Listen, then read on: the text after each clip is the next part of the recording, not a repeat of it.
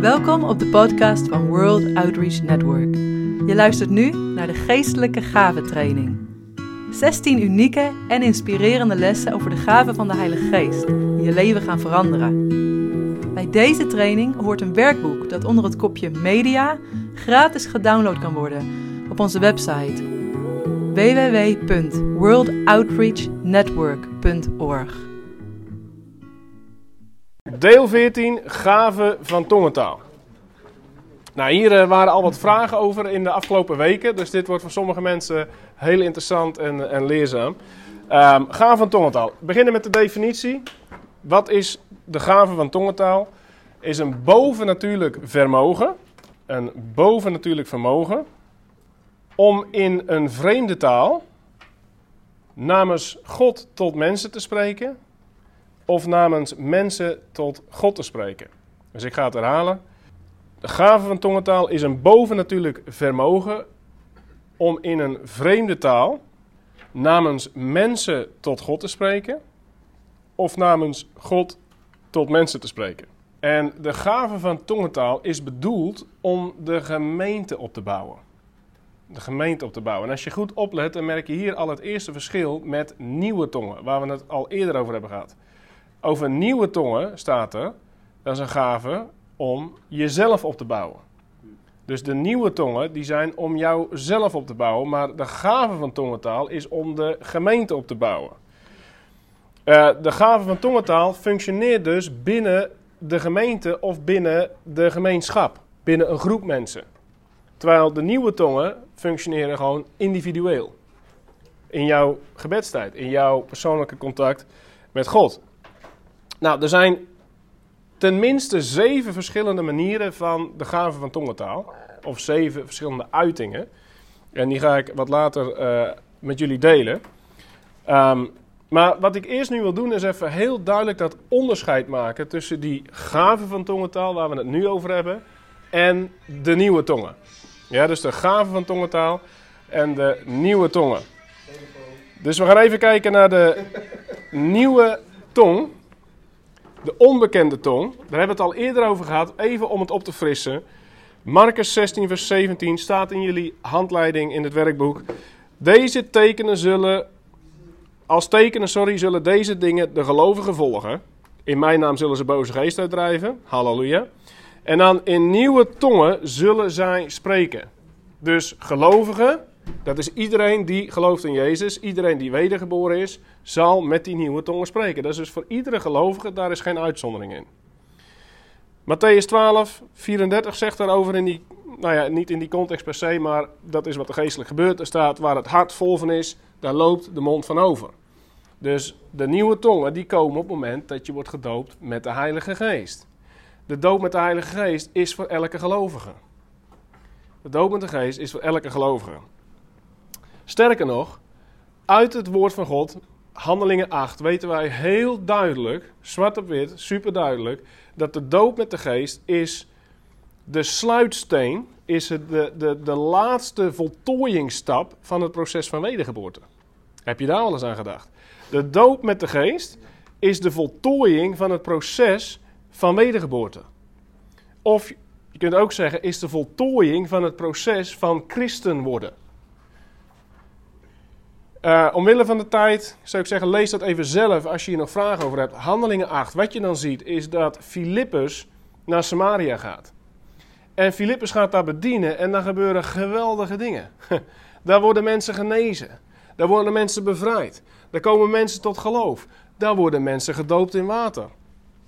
Als dit zou gebeuren in onze kerk in Nederland, dan zouden we echt in onze handen klappen. Zouden we helemaal geweldig vinden. Veel kerken zouden daar ook subiet stoppen. Wauw, we hebben alles gedaan. Het is geweldig. De apostelen in Jeruzalem krijgen het nieuws dat dit gebeurt in Samaria. Wat zeggen ze dan? Geweldig, klap, klap, klap, super. Ga zo door, jongens. Nee. Ze vertrekken meteen uit Jeruzalem naar Samaria. Waarom? Omdat ze die mensen de handen moeten leggen om die doop met de geest te laten gebeuren. Het is heel duidelijk als je dat leest onomstotelijk duidelijk dat in de ogen van de apostelen, de eerste, uh, de, de eerste leiders van de kerk, het, het kerstverse koninkrijk van God, in de ogen van die leiders was het proces van christen worden pas af op het moment dat die mensen ook gedoopt waren in de geest. Het komt ook overeen met Petrus zijn preek. Handelingen 2:38 zegt hij: Bekeert u van uw zonde, keert u tot God, bekeert u van uw zonde, laat u dopen in water voor de vergeving van, van uw zonde, zodat u de gave van de Heilige Geest kunt ontvangen. Dat is het portaal, dat is de entree in het koninkrijk van God. Afkeren van je zonde, toekeren naar God, de waterdoop, en dan ontvang je de Heilige Geest. Als dat niet gebeurd is, is het in de ogen van de vroege apostelen niet af. Is het proces gewoon niet af. En wat wij door de eeuwen heen, door de millennia heen in de kerk hebben gekregen, is natuurlijk bizar. Dat er, dat er miljoenen christenen gaan voor de kinderdoop. Die hebben niet eens de volwassen doop. Hele kerkgenootschappen zijn helemaal niet meer bezig met bekering, je leven heiligen. er is vrijzinnigheid, allerlei uh, theologieën en aannames op het gebied van hoe God wil dat we leven, die nergens op slaan. En dan het, de dood met de geest is gewoon weg in heel veel gemeenschappen. Geloof me niet meer, dat was voor vroeger, was voor toen, was niet voor nu. Elke stap van dat proces is door de duivel aangevallen. En elke stap uit dat proces moeten wij terugpakken en weer gaan preken en weer gaan doen. We moeten mensen leren zich te bekeren. Heel belangrijk. Een van de redenen waarom we soms grote leiders zien vallen, waardoor we hele kerken zien scheuren, dat er de meest stomme dingen gebeuren binnen de kerk, is omdat wij de deur hebben opengezet voor mensen die zich niet bekeren. En dus mensen die zich niet bekeren, die kunnen ergens instemmen met Jezus en het kruis, maar als er geen echte bekering is, dan nemen ze ook allerlei ellende en duisternis mee de kerk in. En dat gaat zich manifesteren. Dat gaat zich laten zien. Vroeg of laat loop je er tegenaan. En dus belangrijk, eh, Jezus zegt de toegang tot de smalle weg is een heel eng poortje. Heel nauw en krap poortje. Dat is het poortje van bekering. En als wij zeggen, joh, hè, dat is wel heel lastig dat poortje. Weet je wat, we pakken een sloophamer, we hakken even een groot stuk weg. Kom lekker binnen jongens, gezellig, pak een bakje thee.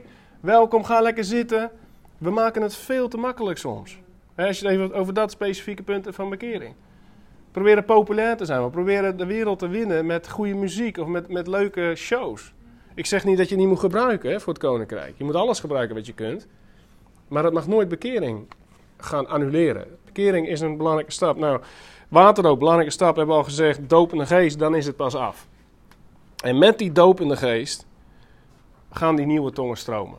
Waar het hart vol van is, loopt de mond van over. Keer op keer in het boek Handelingen zie je dat mensen die gevuld werden met de geest, die spreken in tongen. En vaak daarna gingen ze ook nog profiteren. Halleluja. Maar die tongentaal is de eerste golf van de rivier. Weet je nog, hebben we het over gehad? Tongentaal is de eerste golf van de levensrivier. Nou, dus dat is die nieuwe tong.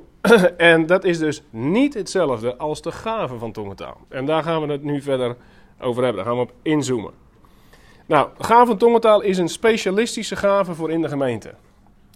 Um, Korinthe, 1 Korinthe 12 gaan we even erbij pakken. Een aantal versen uit dat hoofdstuk. Uh, aan de een de werking van krachten. Aan de ander profetie. Aan de een het onderscheiden van geesten. En aan de andere allerlei tongen. Daar heb je die allerlei. Er zijn dus verschillende uitingen van die tongentaal binnen de gemeente. Uh, en weer aan een ander de vertolking van tongen. Daar gaat Vera het zo over hebben. gaan we ook behandelen vandaag. De vertolking of de interpretatie van tongen. Vers 28. God heeft sommigen aangesteld in de gemeente. Ten eerste apostelen, ten tweede profeten, ten derde leraars, verder krachten, gaven van genezing, om te helpen, om te besturen. Daar komt die verscheidenheid van tongen. Opnieuw, verscheidenheid. Zie, het is niet één tong in de gemeente, er zijn verschillende uitingen. Daar gaan we het zo over hebben. Welke zeven dat we in ieder geval kennen.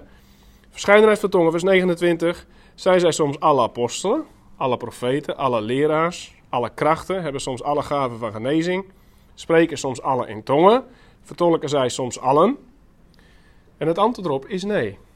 Dat is duidelijk uit de context van Paulus. Hij zegt binnen de gemeente, bijvoorbeeld binnen een groep zoals vandaag. Als wij nu zouden gaan bedienen met elkaar, dan krijgt niet iedereen hetzelfde. Paulus zegt het mooie aan Gods geest is dat als je als groep in zijn aanwezigheid komt, dan geeft hij de ene een lied. Hè? Johan kreeg een lied vanochtend, halleluja.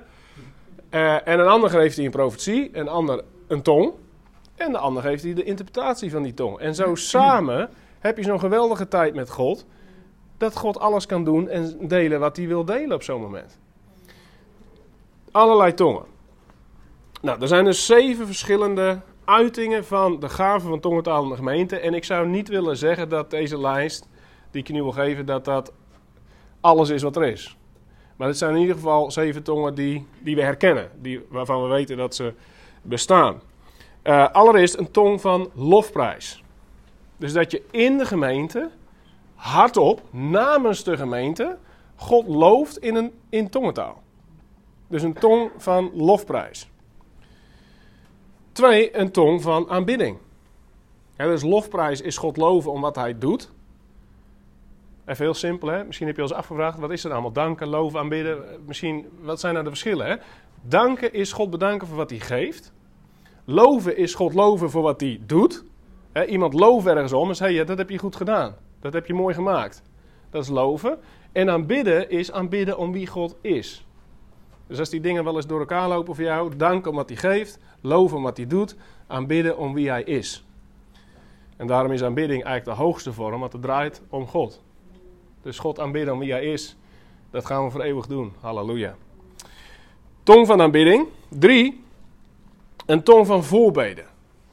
Dus je kunt ook namens de gemeente bidden in tongentaal.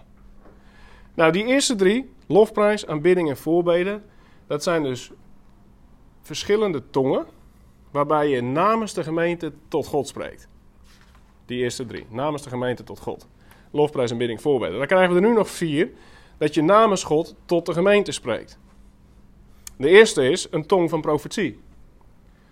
Een tong van profetie. Dus dat je in tongentaal een woord uitspreekt over de gemeente.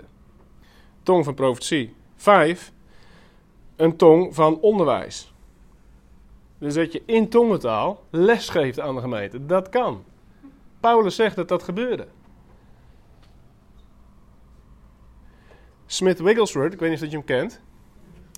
De Apostle of Faith werd hij genoemd. Uh, als hij aan het preken was, dan had hij regelmatig dat hij gewoon ineens begon te ratelen in tongentaal. En het dan ook daarna ging vertalen. Dan was het vaak gewoon een stukje onderwijs. Geniaal. En zelfs in zijn boek, ik heb die boeken van hem, dan staat er dan uh, Speaking in Tongues right now. Staat er dan zo'n zinnetje tussen. En dan staat er interpretatie. En dan staat er een hele alinea, gewoon met tekst. Hebben ze gewoon uitgetypt wat hij dan dus kreeg in tongentaal. Dat was gewoon supergoed onderwijs. Gebeurt. Dus een tong van onderwijs. Een tong van correctie, nummer 6. Een tong van correctie. Dus in de gemeente, als het aan de Heilige Geest zou liggen, dan kan het gebeuren dat iemand opstaat en in tongentaal de gemeente toespreekt. Dan komt interpretatie en dan zegt bijvoorbeeld die spreker in tongentaal, die zegt gemeente, we moeten niet dit doen of niet dat doen, of we moeten hierop letten of dat aanpassen. Een tong van correctie, waarschuwing. Er dus er was een tong van correctie en de laatste een tong van aanvuring. Er is dat iemand in tongentaal de gemeente toespreekt van jongens, kom op, laten we ervoor gaan. We gaan deze stad winnen voor Jezus of we gaan deze campagne doen of laten we ons hele hart geven aan God, ons uitstorten in aanbidding enzovoort. Een tong van aanvuring. Um, nou, wat er dus gebeurde, uh, is dat deze gave, Hans zegt het al, je ziet het zo weinig, het is vrij complex. het, is, het, is nogal een, het is nogal een drempel om dit te doen. Uh, en dus wij leven in een situatie waarin het eigenlijk niet of nauwelijks gebeurt. In Paulus' tijd gebeurde het veel te veel. En dus er was juist een excess in de gemeente Korinthe op het gebied van tongentaal. Dus Paulus die geeft ons eigenlijk een paar handvatten, een paar richtlijnen. Hoe kunnen we deze gave verbeteren in plaats van verhinderen. Dat is een belangrijk punt. Paulus wil deze gave verbeteren in de gemeente en niet verhinderen. Dat laatste is helaas wat er gebeurd is in, in, in het Westen. We hebben deze gave verhinderd. Dat was nooit Paulus' bedoeling. Daar gaan we eens even naar kijken. Uh, volgende stuk tekst wat in je werkboek staat.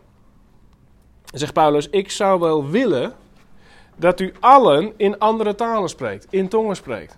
Hij heeft het dus over die gave van tongentaal. Wat zegt Paulus hier? Ik zou willen dat jullie allemaal in die gave van tongentaal gingen functioneren. Dat jullie dus allemaal een, een tong van lofprijs, een tong van aanbidding, een tong van voorbeden, een tong van correctie, een tong van aanvuring, een tong van onderwijs, een tong van profetie. Paulus zegt, ik wil het. Letterlijk in het Grieks staat er niet, ik zou wel willen. Dat hele woordje zou staat er niet in het Grieks. Ik wil. Paulus zegt, ik wil dat u alle in andere talen spreekt. Dat is ineens heel anders. Alleen al dat dat woordje zou in de vertaling is toegevoegd, geeft aan hoe ons denken hier moeite mee heeft. De vertalers konden gewoon niet bevatten dat Paulus er eigenlijk gewoon zegt: Ik wil dat jullie het allemaal gaan doen. Ze hebben dat stuk gelezen. Ze hebben gedacht, oh, dit is ingewikkeld, dit is moeilijk. Daar krijg je problemen van, van de gave van tongentaal. Ja, we, halen, we filteren het eruit. Ik zou wel willen, eigenlijk kan het niet, hè? maar ik zou wel willen dat het kon. Hè? Dan zeggen we van, nee, ga jij nog op vakantie deze zomer? Nee, ik moet werken, ik zou wel willen. Dan zeg je, eigenlijk kan ik niet op vakantie, maar ik zou het wel willen. Nee, dat zegt Paulus niet. Hij zegt, ik wil dat u alle in andere talen spreekt, in tongen spreekt. Maar vooral dat u profiteert. Dat staat daarboven. Profetie is de hoogste gave van de geest. Gaat hij verder, immers, wie profeteert is meer dan wie in andere talen spreekt. Tenzij hij het uitlegt. Waarom zegt Paulus dat? Tenzij hij het uitlegt. Omdat tongentaal plus interpretatie is profetie. Tongentaal plus interpretatie is profetie. Dus daarom zegt Paulus, leg het uit. Nou, waarom? Omdat de gemeente erdoor opgebouwd wordt. Dus Paulus zegt, jongens, als je samenkomt, dan gaat het even niet meer om jou individueel. Als je samenkomt, dan gaat het om de gemeente. De gemeente heeft een identiteit. De gemeente is de bruid van Christus. God behandelt een gemeente als een persoon. Denk maar aan openbaringen. Dan schrijft hij aan de gemeente in Efeze, aan de gemeente in Smyrna. Hij schrijft aan die gemeentes als een persoon. Voor God is elke gemeente een soort persoon. En die gemeente en die persoon die moet ook opgebouwd worden, die moet versterkt worden. Nou, die tongentaal spreekt daar dus, of kan daar dus, een belangrijke rol in spelen. Tongentaal plus vertaling is profetie. Dan kan God spreken in de gemeente. Dat is wat God wil. God wil spreken in zijn gemeente tot zijn bruid. Nou, Paulus grijpt dan in. Maar waarom grijpt Paulus nou in? Dat is heel belangrijk om dat te weten en te begrijpen.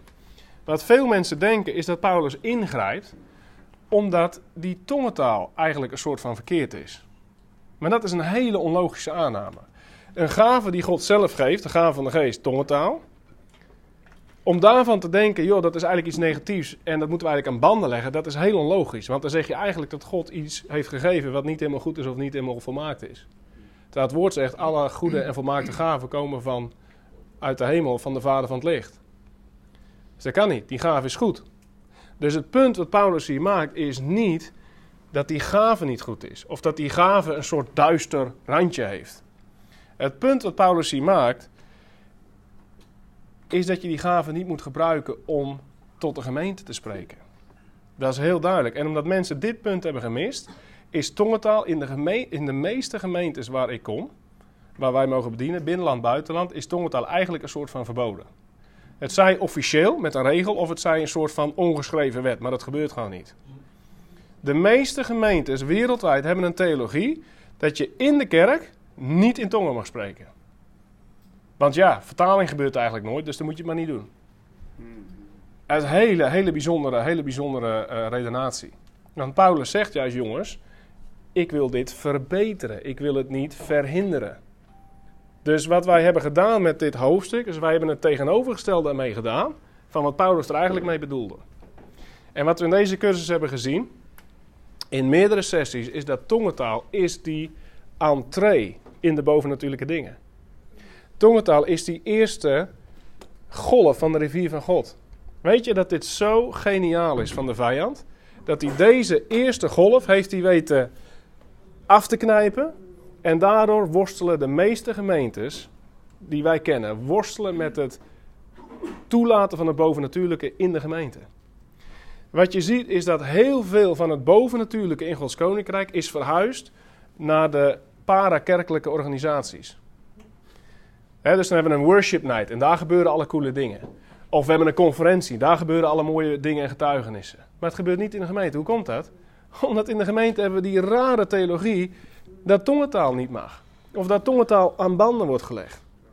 Wat Paulus hier zegt is, als jij naar de gemeente komt, en stel dat dit de gemeente zou zijn, ja, en ik ben de gastspreker, ik kom naar die gemeente toe, en ik pak zo uh, mijn, mijn notes, ik doe mijn iPadje open, ik kijk jullie aan, en ik zeg, Cura liajanda la besenda, geriambo sonta la Roma senta. Amen? Amen? Amen. Ja, toch? Uh, ja, amen, I guess. Dat is wat Paulus zegt. In die gemeente gebeurde het non-stop. Dat mensen opstonden en de gemeente toe gingen spreken in tongentaal. Hoe weet ik dat? Hij zegt dat hier. Vers 6, 1 Corinthië 14 vers 6. Hij zegt, en nu broeders, als ik naar u toe zou komen en in andere talen zou spreken. Hij zegt, als ik naar jullie toe kom om, om de gemeente toe te spreken, dan hebben jullie er niks aan als ik in een andere tong ga staan spreken. Want de meeste mensen zullen dan niet die vertaling hebben.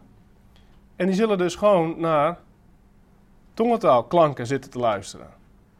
En dan had je in de gemeente van Korinthe ook nog dat er dan niet één dat deed. Maar dan had je één die begon en dan begon er eens in de hoek nog eentje. En dan begon er ergens anders nog eentje. Het werd gewoon een chaos. Mensen begrepen het niet meer. Het werd gewoon een, een, een, warrig, een warrig gebeuren. God zegt nee joh. Door Paulus heen. Het doel van de gemeente is dat iedereen wordt opgebouwd. Dat iedereen groeit, dat iedereen verder komt. Dus zegt Paulus, wat je dan doet. Gaan we even lezen, het verdere tekst iets verder onderaan. Hij zegt, als iemand in een andere taal spreekt, laat het dan door twee of hoogstens drie mensen gedaan worden. Paulus zegt allereerst, jongens, laten we dit even limiteren. Laten we niet de hele dienst, die mensen waren dus super overgeestelijk in Korinthe.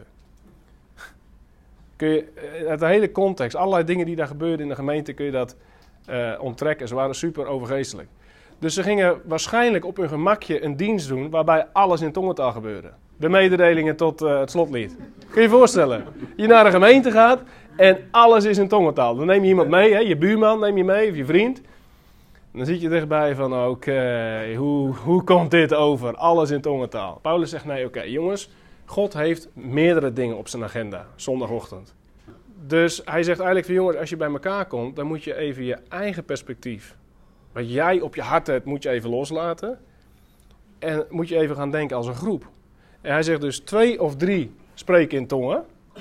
En daarnaast moet er ook gewoon aanbidding zijn. Moet, uh, hij, zegt het hier. Uh, twee, um, ieder op zijn beurt. En laat één het uitleggen. Zonder uitleg mag het eigenlijk Nee, precies. Dus de gave van tongentaal moet uitgelegd worden. Ja, de gave van tongentaal moet uitgelegd worden. En dat is dus, hè, um, stel dat een van jullie nu wat wil delen, die loopt naar voren en die doet het in tongentaal. Dat mag. Dat mag. Alleen, dan moeten we wel even daarna pauze. Nu moet het vertaald worden. En dan moeten we dus gaan bidden. En dan moet iemand, of die persoon zelf, die moet die vertaling ontvangen. En dan die vertaling delen met de groep. Dit, dit is juist een gave die is bedoeld door God om de communicatie te verbeteren tussen de hemel en de bruid. Tussen, tussen de, de, de bruidegom en de bruid. Door de geest. Maar helaas waren er excessen in Korinthe. Toen heeft Paulus dat proberen bij te sturen. En zijn correcties zijn zo opgeblazen in de moderne kerk. dat we het niet meer zien gebeuren. Dus allereerst, Paulus wilde het gebruik van de gave van tongentaal verbeteren. En niet verhinderen. Daar is hij heel duidelijk in. Hij zegt, het laatste vers wat ik hier heb staan, vers 39, zegt hij: Verhinder het spreken in andere talen niet. Verhinder het niet. Dus hij, hij zegt: Dit is belangrijk, dit moet blijven bestaan, zou je, zou je kunnen zeggen. Dat is eigenlijk wat hij hier zegt. Verhinder het niet. Mag niet geannuleerd worden, maar het is in de meeste kerken geannuleerd. Nou, wat er dus ook gebeurt, allereerst die gave functioneert niet meer. Dus mensen voelen geen vrijheid meer om op te staan en in tongentaal de gemeente toe te spreken. Daarnaast functioneert dus interpretatie niet meer. Want er valt natuurlijk niks te interpreteren als er niemand in tongen spreekt. Dus die twee zijn allebei uitgeschakeld. En helaas, wat er ook nog is gebeurd, is dat de nieuwe tongen verboden zijn geworden. Omdat men geen onderscheid heeft tussen tongentaal en nieuwe tongen, mag je ook in de kerk niet meer in tongentaal spreken. Nou, hoe weet je nou zelf of het nieuwe tongen zijn of gaven van tongentaal? Dat snap ik niet zo. Dat is heel simpel, dat weet je. Door de positie die jij inneemt als je het doet. Dus als ik hier sta uh, en we zeggen: jongens, uh, we gaan deze dag beginnen. Laten we even lekker onze geest wakker maken. Laten we even bidden. En dan ga ik in tongentaal bidden. Dan ben ik bezig met mezelf op te bouwen. Op het moment zoals nu, jullie kijken allemaal naar mij. Ik ben jullie aan het toespreken. Als ik nu in tongen zou gaan spreken, dan ben ik jullie aan het bedienen. En dan is er dus vertaling nodig. Dus Paulus koppelt het heel duidelijk aan de functie van het gesprokene. Om te onderscheiden waar je mee te maken hebt. Dus op het moment dat ik namens God tot de gemeente spreek in tongentaal, moet het vertaald worden. Op het moment dat ik namens de gemeente tot God spreek, met jullie dan maar bij, moet het vertaald worden. Want dan weten jullie wat ik namens jullie zeg. Dat is wel zo fijn, toch? wat zegt Willem nou weer? Heer, kan ik hier amen op zeggen? Dan is de vertaling nodig. Maar op het moment dat ik gewoon in tongen bid, om mijn geest wakker te maken. Omdat ik straks iemand de hand op ga leggen, bijvoorbeeld tijdens gebedsbediening in de gemeente. Mag ik heerlijk in tongen bidden. Dan ben ik mezelf aan het stichten. Je ziet dus dat de verwarring over dit onderwerp heeft best wel veel schade gebracht. Dus de gave functioneert niet meer, de vertaling functioneert, of de interpretatie functioneert niet meer. En zelfs de nieuwe tongen. Als er één plek is waar je soms zenuwachtig kan voelen. Als je in tongen wil bidden, is het in de gemeente. Ik bedoel, ik voel me vaak nog vrijer om in de, in de tram of de bus in tongen te bidden dan in de gemeente. Want je, de ik heb het meerdere keren meegemaakt dat mensen opstaan en weglopen. Zodra ze één klank in tongentallen horen, zeggen ze: oh, dit is niet van God, het moet vertaald worden. Oh, eh, weg. Alsof dan gelijk een demon of de duivel zelf. bidt. Het is, er is heel veel druk zit erop. Het is jammer. Mag je wel een beetje argwanend zijn als iemand in tongen toespreekt, om dat zo te noemen, dat hij het zelf vertaalt.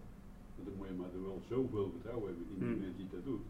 Ja. Dat hij niet een, Dat is een goede vraag. Dus als iemand zelf in tongen speelt en het, en, eh, spreekt en het zelf vertaalt, eh, is het dan logisch om argwanend te zijn?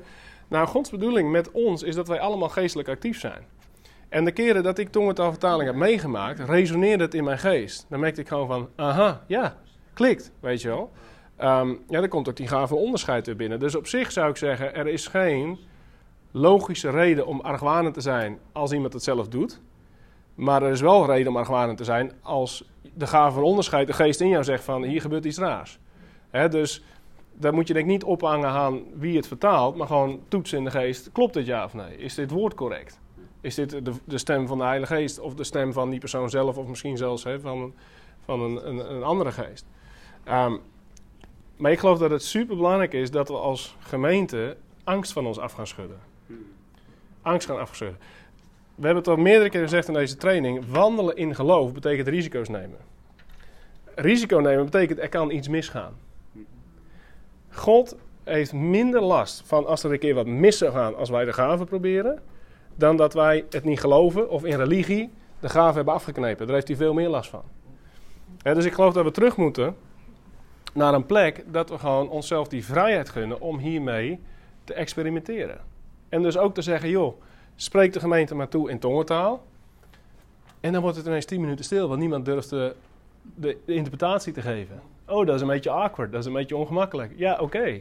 Maar als dat nodig is om het weer te gaan laten functioneren. en we openen dit kanaal voor de Heilige Geest weer om de gemeente toe te spreken.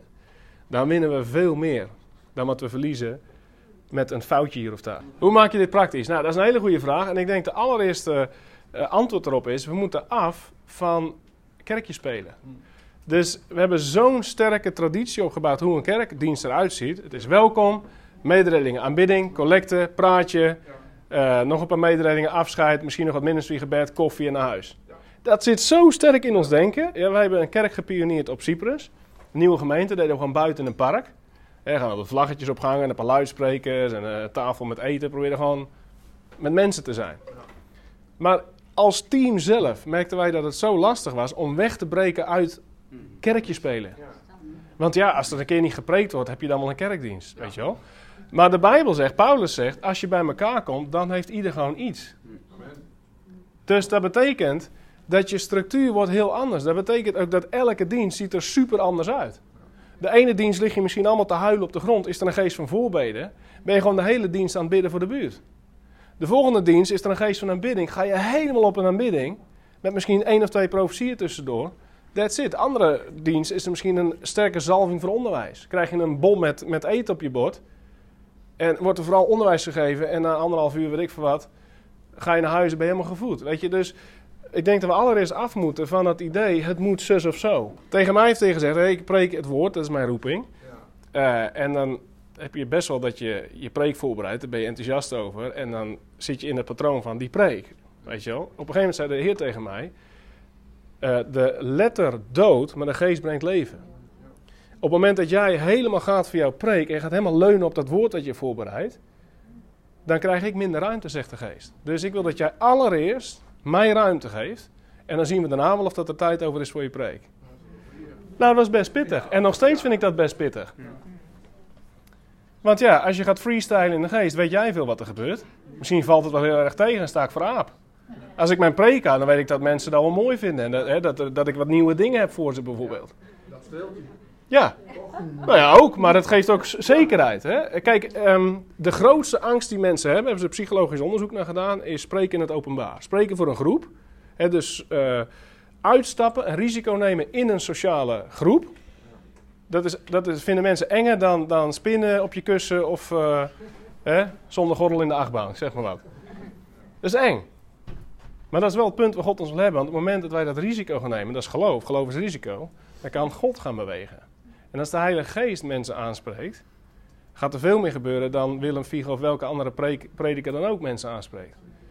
Ja, dan kom je in gemeentes en wat wij nu altijd doen, Veer en ik, als we ergens zijn, tijdens de aanbidding al, zitten wij gewoon om ons heen te kijken. Heer, zeg het maar. Heeft u een woord voor iemand hier? Wilt u iets doen? Heeft u een woord van kennis? En dan vaak krijg je vier, vijf, zes, soms wel tien dingen. Dan denk je, oh heer, daar gaan we preken. en dan kom je op en dan begin je met de geest. Dus dan gaan we beginnen met die indruk. En dat is vanochtend ook. Hè. We gaan gewoon freestyle beginnen. Begin je met de geest en dan zitten mensen te huilen, worden mensen aangeraakt. En dat woord wat ze dan ontvangen, dat weten ze over twintig jaar nog. Mijn preek weten ze waarschijnlijk niet meer over twintig jaar. Even heel realistisch, dat is hoe het is. Dus de geest moet voorrang krijgen. Dus we moeten eigenlijk ons hele kerkmodel gaan veranderen. Want in het huidige kerkmodel is tongentaal een beetje een vreemde eend in de bijt. En de interpretatie. Het is zo freestyle, het is zo ongecontroleerd. Dat, dat het lastig is. Ik probeer jullie elke les natuurlijk ook eh, simpele handvatten te geven om mee aan de slag te gaan. Dus ook wel deels antwoord op de vraag van, eh, van eh, andere Hans. We hebben nu twee Hansen hier. Hans is in de meerderheid. Ehm, wakker de Heilige Geest aan, hè, dat zeg ik bij elke gave. Dus heb echt contact met de Heilige Geest. Dus, dus wakker hem aan. Hè, we hebben het gehad over eh, een wekker zetten voor de Geest. Maak hem wakker in jezelf. Ehm, heel simpel, daarna vraag aan de Heilige Geest om jou een specifieke tong te geven. Dus normaal gesproken vraag je dit dus in een groep, hè, in een gemeente. Maar, dat is interessant, je kunt gaan oefenen gewoon thuis. Dit is leuk aan deze gave. Ehm, ik heb het afgelopen week nog gedaan. Daar ben ik echt geëmotioneerd wat er dan gebeurt weer. Zeg, Heilige Geest, ik wil nu in tongen gaan profiteren over mijzelf. En dan vraag ik u daarna om mij de vertaling te geven. Moet je eens proberen. En ga je dat doen, dan ga je gewoon een tijdje, hè, als je zegt van, ik deed gewoon zin voor zin, dus koere laganda, labanda, laganda, en dan ging ik het vertalen van mezelf. Er zaten een paar dingen in dat ik echt merkte van, wauw, de Heer raakt echt mijn hart nu aan. Dus dat is mooi, hè. Dus je kunt ook gewoon thuis ook beginnen. Ehm, maar de echte gave van tongentaal, waar we het vandaag over hebben gehad, dat je de gemeente opbouwt, die vindt natuurlijk dan ook in de gemeente plaats. Dus vraag de Heilige Geest om jou een tong te geven, een van die zeven. Of misschien zelfs nog een andere die ik toevallig niet op lijstje heb staan. Mag ook. Laten we de geest niet beperken, hè? Halleluja. Ehm, vraag dan zelf ook eens om de vertaling. De gave van de geest opereer je door geloof. Op het moment dat jij gelooft dat je hem niet kunt vertalen, dan kun je hem ook niet vertalen. Op het moment dat jij gelooft, God kan mij net zo goed die vertaling geven als mijn buurman. Waarom? Waarom zou God hem niet aan jou willen geven? Dan kun je dus ook die vertaling ontvangen en eh, die vertaling ook delen met de mensen om je heen. Nou, ik zou zeggen, als je die gave wil groeien, zou ik beginnen in settingen zoals deze. Ja, dus met, met mensen een beetje gelijkgestemde. Wel fijn, anders krijg je inderdaad gelijk ruzie waar we het net over hebben gehad, of die kans is aanwezig. Ehm, en ook met mensen die, waarmee je eigenlijk afspreekt van jongens, dit is een veilige plek. Hier mogen ook fouten worden gemaakt. Dat is belangrijk, hier mogen fouten worden gemaakt. Ja, dat kun je dan gewoon met elkaar afspreken. We gaan gewoon leren, we gaan gewoon groeien. We gaan dit proberen met elkaar. Oké? Eh, en dan stap uit in geloof. De eerste stap is natuurlijk in tongen spreken. Veerder gaat zo nog wat delen over de interpretatie, hoe je daarin uitstapt. Doe het gewoon. Bedankt voor het luisteren naar deze podcast. We moedigen je aan om het geleerde meteen in de praktijk te brengen en te delen met anderen. Ben je gezegend door het Bijbelonderwijs van World Outreach Network en wil je ons helpen om Gods woord ver en wijd te proclameren? Word dan financieel partner door het online donatieformulier in te vullen onder het kopje Project Wereld op onze website www.worldoutreachnetwork.org.